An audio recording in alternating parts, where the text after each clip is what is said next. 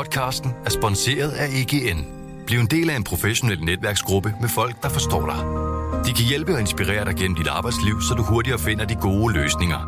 Find dit nye netværk på egn.dk. Velkommen til Morgenposten. Berlingskes nyhedsoverblik.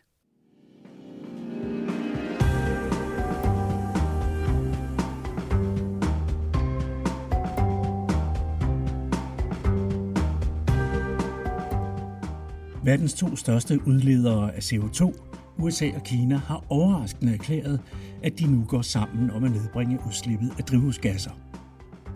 Sygeplejerskerne kræver 5.000 kroner mere om måneden, og nu begynder faggruppen at få politisk vind i sejlene. Og så har en eftersøgt amerikaner, der deltog i stormen på kongressen sidste januar, søgt om politisk asyl i Belarus, måske bedre kendt som Europas sidste diktaturstat. Du lytter til Berlingskes nyhedsoverblik, som jeg har udvalgt og sat sammen denne torsdag den 12. november.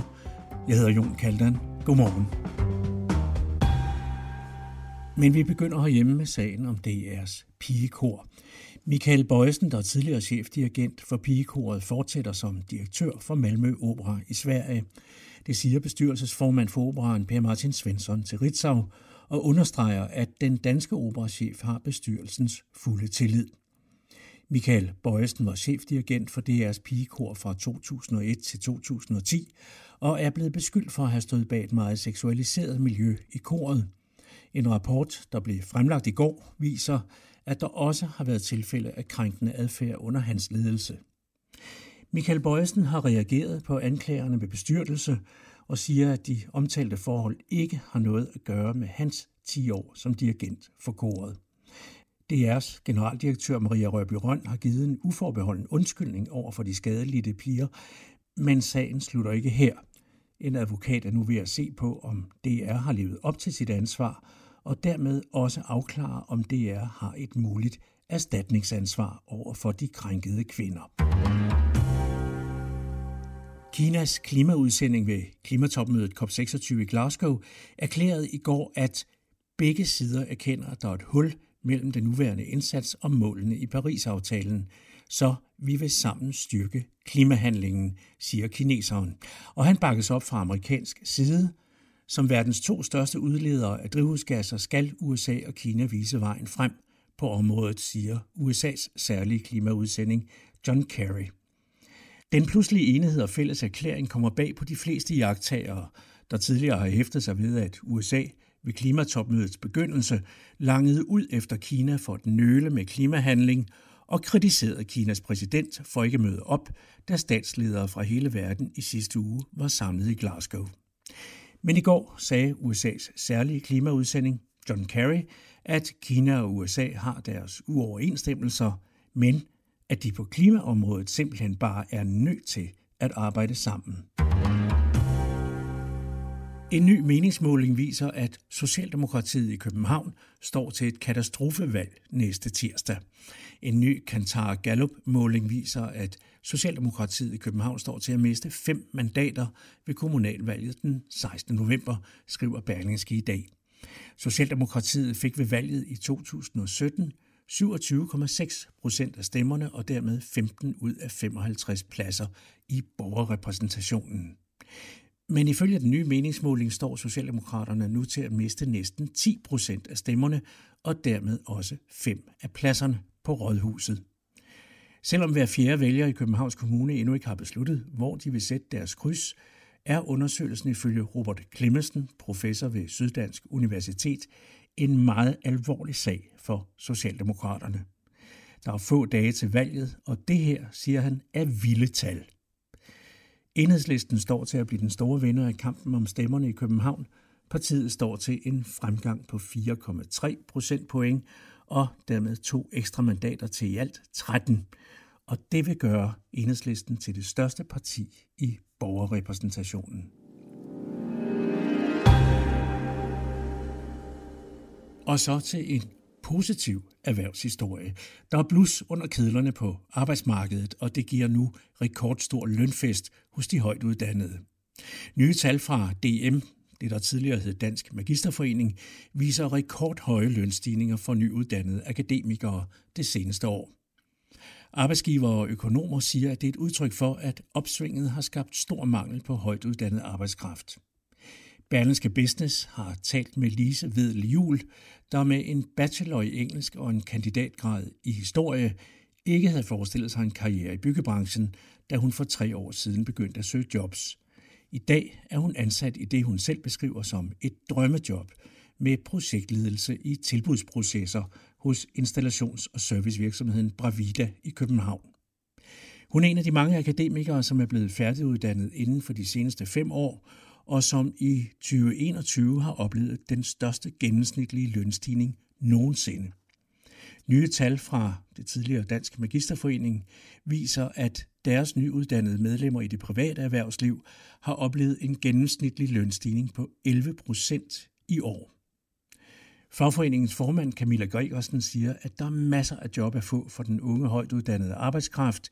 Flere har ofte to tilbud på hånden, og det giver rekordstore lønstigninger.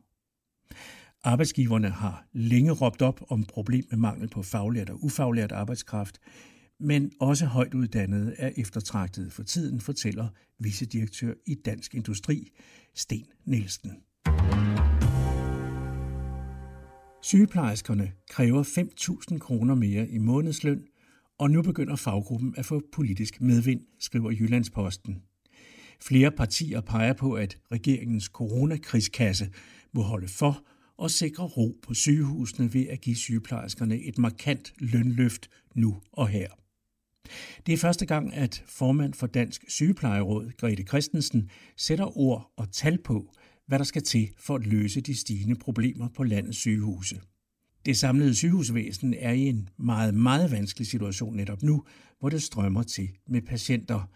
Hvis man ikke gør noget ved lønnen, kan det blive virkelig katastrofalt, siger sygeplejerskernes formand, og lægger sig dermed i forlængelse af den bekymring, som regeringen også har udtrykt på sygehusenes vegne.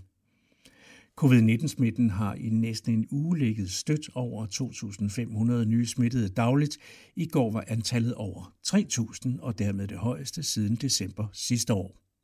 Også antallet af hospitalsindlæggelser er steget stødt, og så er vi på vej ind i influenzasæsonen, så presset på sundhedsvæsenet og dermed de ansatte ventes at vokse.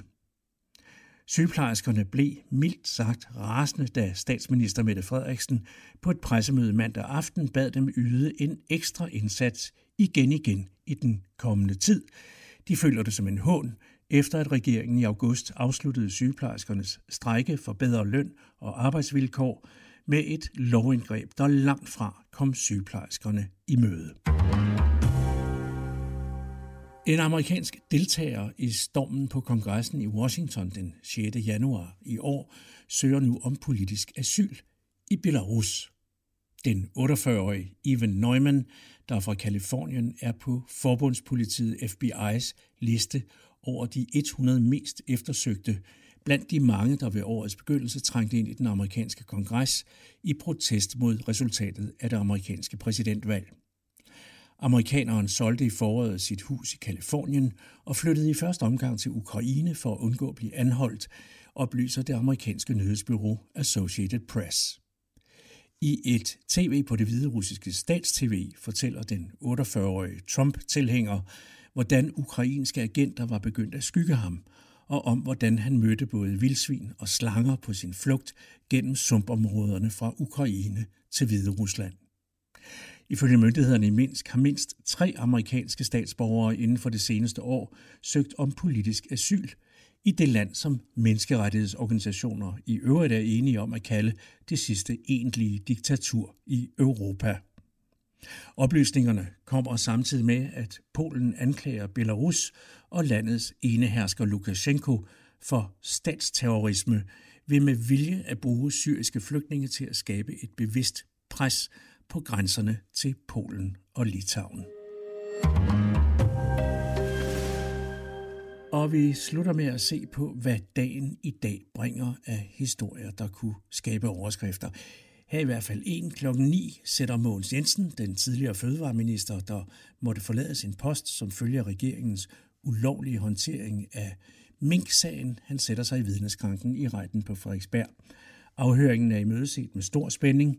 Mogens Jensen, en åbenlys hovedperson i hele forløbet, har ikke før kommenteret sagen, siden han trak sig som minister, og alene af den grund er afhøringen interessant. Berlingske er til stede ved retten i Frederiksberg og vil liveblogge undervejs. Og så er der også i dag, at Europaparlamentet ventes at stemme om EU-kommissionens forslag til lovfæstet mindsteløn i medlemslandene. Danmark er sammen med Sverige alene om stærk modstand mod forslaget, der vurderes at udgøre en alvorlig trussel mod den såkaldte nordiske model, hvor arbejdsmarkedets parter selv aftaler løn og arbejdsvilkår. Tidspunktet for afstemningen er ikke fastlagt.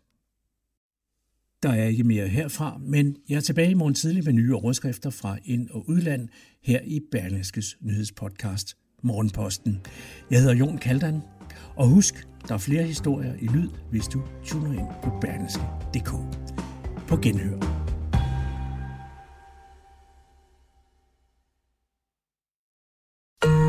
Podcasten er sponsoreret af EGN. Bliv en del af en professionel netværksgruppe med folk, der forstår dig. De kan hjælpe og inspirere dig gennem dit arbejdsliv, så du hurtigere finder de gode løsninger. Find dit nye netværk på egn.dk.